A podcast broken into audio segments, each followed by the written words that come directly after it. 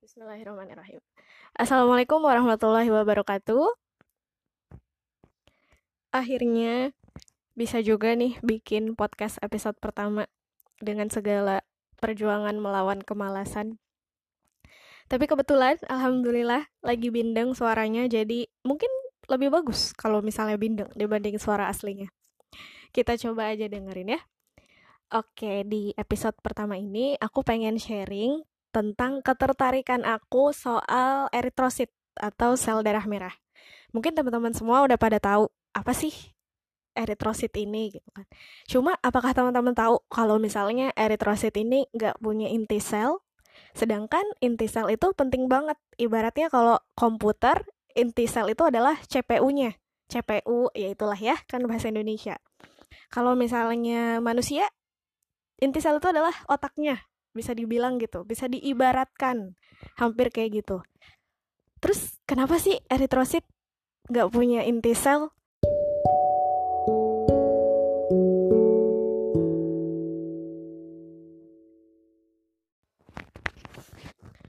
Oke, sebelum kita bahas mengenai eritrosit yang kehilangan inti selnya, kita coba ingat-ingat lagi tentang apa itu eritrosit. Jadi eritrosit atau biasa kita sebut sebagai sel darah merah itu di dalam darah kita, satu tetes darah kita bisa mengandung jutaan eritrosit dan ribuan leukosit. Nah, kalau leukosit kan sel darah putih. Terus eritrosit ukurannya kecil, diameternya kurang lebih antara 7 sampai 8 mikrometer. Mikrometer itu berarti 10 pangkat min 3 ya atau minus 6. Itulah pokoknya ya kecil banget. Fungsi utama dari eritrosit secara garis besar adalah mengangkut oksigen yang kita hirup dari paru-paru, kemudian mengedarkannya ke seluruh jaringan tubuh, dan mengambil karbon dioksida sisa metabolisme dari jaringan untuk dikembalikan lagi ke paru-paru, selanjutnya diekskresikan. Mengangkut oksigen, singkatnya gitu, dan karbon dioksida. Nah, kemudian eritrosit ini kerjanya dia hanya di dalam pembuluh darah. Beda sama leukosit. Kalau leukosit karena dia sel darah putih, sistem imun, dia bisa aja keluar dari peredaran darah. Karena bisa aja si antigennya bisa virus, bakteri, kuman, itu kan nggak di dalam pembuluh darah gitu. Jadi ketika ada virus atau antigen masuk, sel darah putih ini bisa aja keluar dari peredaran darah.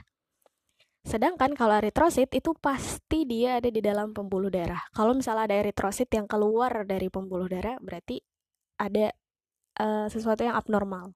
Ada yang luka gitu ya. Luka yang terlihat. Kalau luka yang nggak terlihat itu agak susah. Oke, lanjut.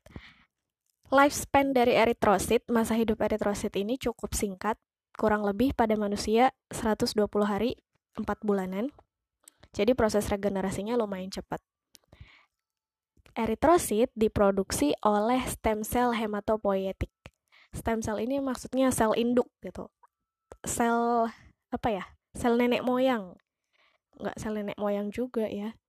Intinya adalah sel induk yang nantinya akan membelah, mengalami proliferasi, dan menghasilkan sel-sel darah, termasuk sel darah merah dan sel darah putih. Itu namanya sel induk atau stem cell hematopoietik. Produksi eritrosit sebenarnya produksi sel darah itu terjadi di sumsum -sum merah. Sumsum -sum merah itu ada di setiap bagian tulang kita. Nah, kemudian di sini yang menarik. Aku nggak akan bahas seluruh proses pembentukan eri, uh, apa namanya sel darah. Aku cuma bahas yang pembentukan eritrositnya aja. Jadi pembentukan eritrosit itu disebut eritropoiesis. Ini nggak usah dihafalin, nggak akan keluar di ujian karena ujian juga dihapuskan ya kan. Eritropoiesis atau proses pembentukan eritrosit ini terjadi dalam dua fase. Fase pertama adalah fase proliferasi, di mana sistem sel tadi tuh, stem sel hematopoietik melakukan pembelahan sel. Jadi memperbanyak diri gitu. Perbanyak diri. Kemudian setelah memperbanyak diri, dia akan masuk ke fase kedua atau fase maturasi. Nah, di fase maturasi inilah awal mula sel darah uh, merah itu mulai kelihatan. Itu belum jadi eritrosit tuh. Masih disebutnya proeritro proerythroblast. Susah ya. Proerythroblast. Oke. Okay? Aku sih ngafalinnya kalau ada nama-nama sel yang belakangnya ada blast-blastnya, itu biasanya adalah to be. Maksudnya to be erythrocyte, berarti erythroblast, to be erythro gitu. Kayak gitu. Blast itu kayak akan menjadi. Jadi si proerythroblast ini itu mulai kelihatan di fase maturasi atau fase pematangan. Di fase maturasi ini juga terjadi perubahan sitoplasmik pada proerythroblast dan perubahan inti sel. Perubahan sitoplasmiknya ini contohnya bukan contohnya ya, termasuk di dalamnya adalah hilangnya mitokondria, pengurangan jumlah ribosom, dan reorganisasi struktur mikrofilamen. Jadi organel-organel di dalam sel darah merah nantinya ini nggak ada gitu. Kemudian selain perubahan sitoplasmik, uh, pada proses maturasi, pada fase maturasi, eritrosit akan kehilangan inti selnya atau yang disebut dengan enukleasi atau nucleus extrusion. Extrusion. Apa bahasa Indonesianya ya? Itulah pokoknya. Nah, proses kehilangan nukleus ini, proses pengeluaran nukleus dari sel eritrosit itu dimediasi oleh yang namanya program autofag. Autofag itu makan diri sendiri gitu. Jadi ternyata si nukleusnya ini dilepas kemudian nanti dimakan sama sel kita juga gitu loh. Nah, uh, program autofag ini aku baca-baca itu awalnya dilakukan oleh sel-sel eukariotik untuk survive dalam keadaan starvation atau kelaparan yang berlebihan gitu ya. Jadi mereka kayak makan sel diri mereka sendiri untuk mengurangi jumlah input energi yang masuk, tapi juga bisa uh, mengarah pada kematian gitu. Nah ternyata program autofag ini juga terjadi pada sel darah merah gitu, ketika dia ada proses nukleasi itu, proses enukleasi. Oke. Okay.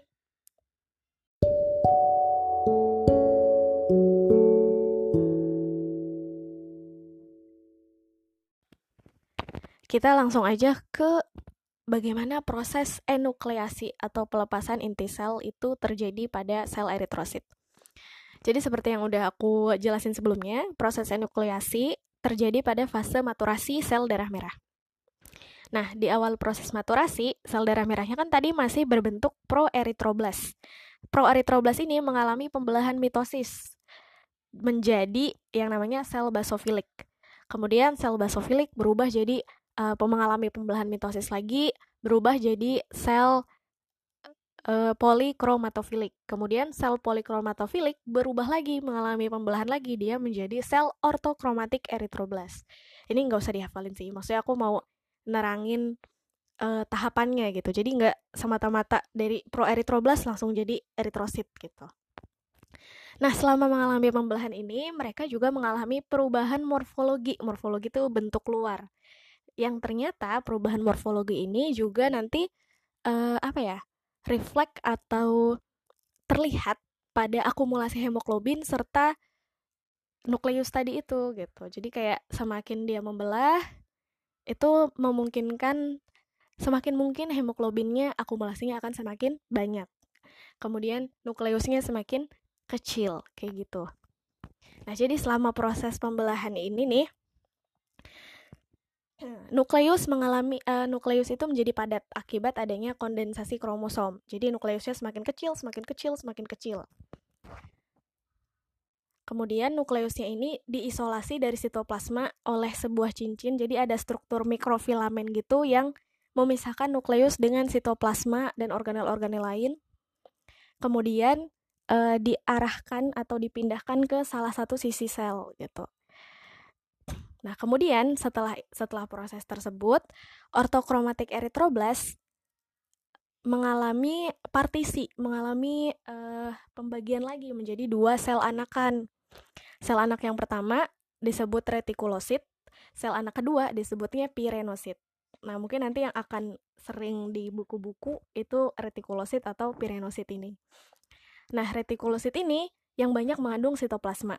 Pirenosit yang mengandung nukleus yang terkondensasi tadi. kan tadi uh, nukleus yang terkondensasinya udah kayak dipadetin kemudian dipindahin ke salah satu sisi gitu kan jadi kayak mereka misah gitu loh sitoplasma sama nukleusnya gitu. Nah, yang mengandung sitoplasma disebutnya retikulosit, yang mengandung nukleus disebutnya pirenosit. Nah, si, peri, si pirenosit ini diapain? Si piron, pirenosit ternyata akan dimakan oleh makrofag. Makrofag itu dari sel darah putih loh BTW gitu kayak yang tadi ya tadi aku bilang ada program autofag. Jadi makrofag ini akan memakan dan mendegradasi pirenosit tadi yang isinya nukleus eritrosit. Nah, sedangkan retikulositnya lah yang nanti akan berkembang menjadi eritrosit dewasa.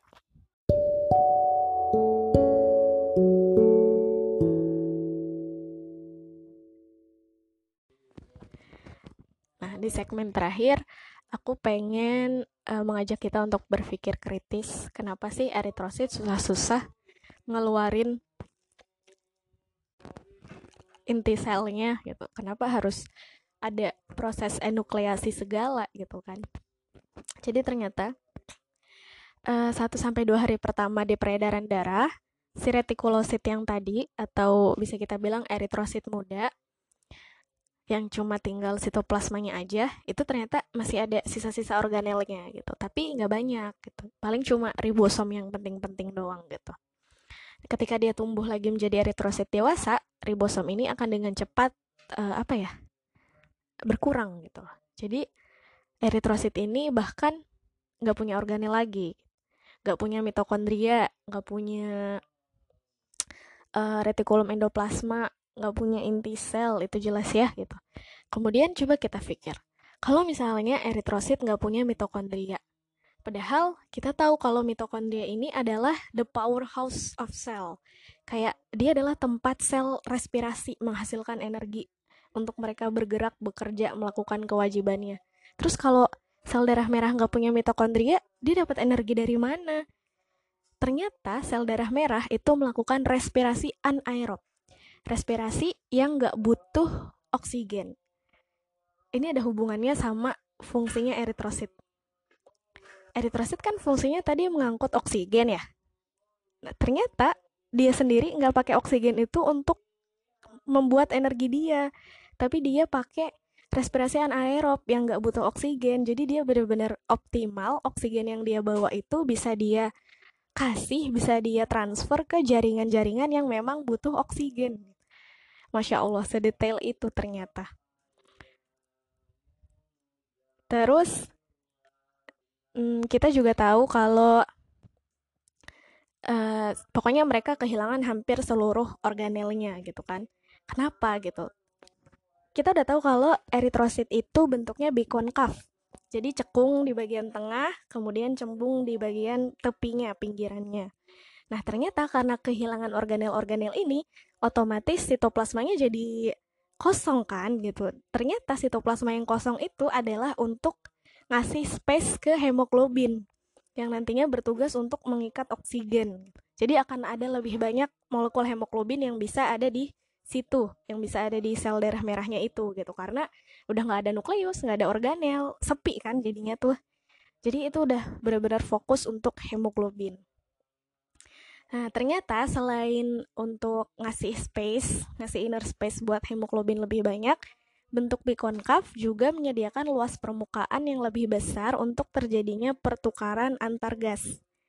Jadi misalnya hmm, di sebuah jaringan gitu, permuk luas permukaan yang lebih besar memudahkan difusi oksigen ke jaringan atau difusi karbon dioksida dari jaringan ke sel darah merah. Luar biasa ya gitu. Ternyata kenapa dia harus susah-susah ngeluarin inti selnya itu karena untuk mengoptimalkan kewajiban dia mengangkut oksigen ke jaringan. Jadi jaringannya tetap bisa bekerja sebagaimana mestinya.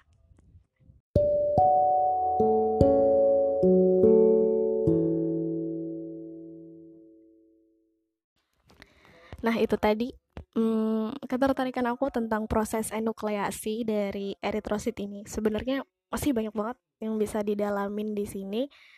Cuma nggak mungkin sekaligus jadi aku pengen berbagi kalau misalnya ada hal menarik tentang ini loh gitu kalian juga perlu tahu gitu semoga ada yang bisa diambil dan aku terbuka banget dengan kritik dan saran yang membangun tentunya kalau misalnya ada masukan tentang topik lain yang pengen dibahas boleh banget insya Allah nanti aku bahas Terima kasih sudah menjadi pendengar yang baik. Semoga nanti bisa ketemu lagi di episode berikutnya.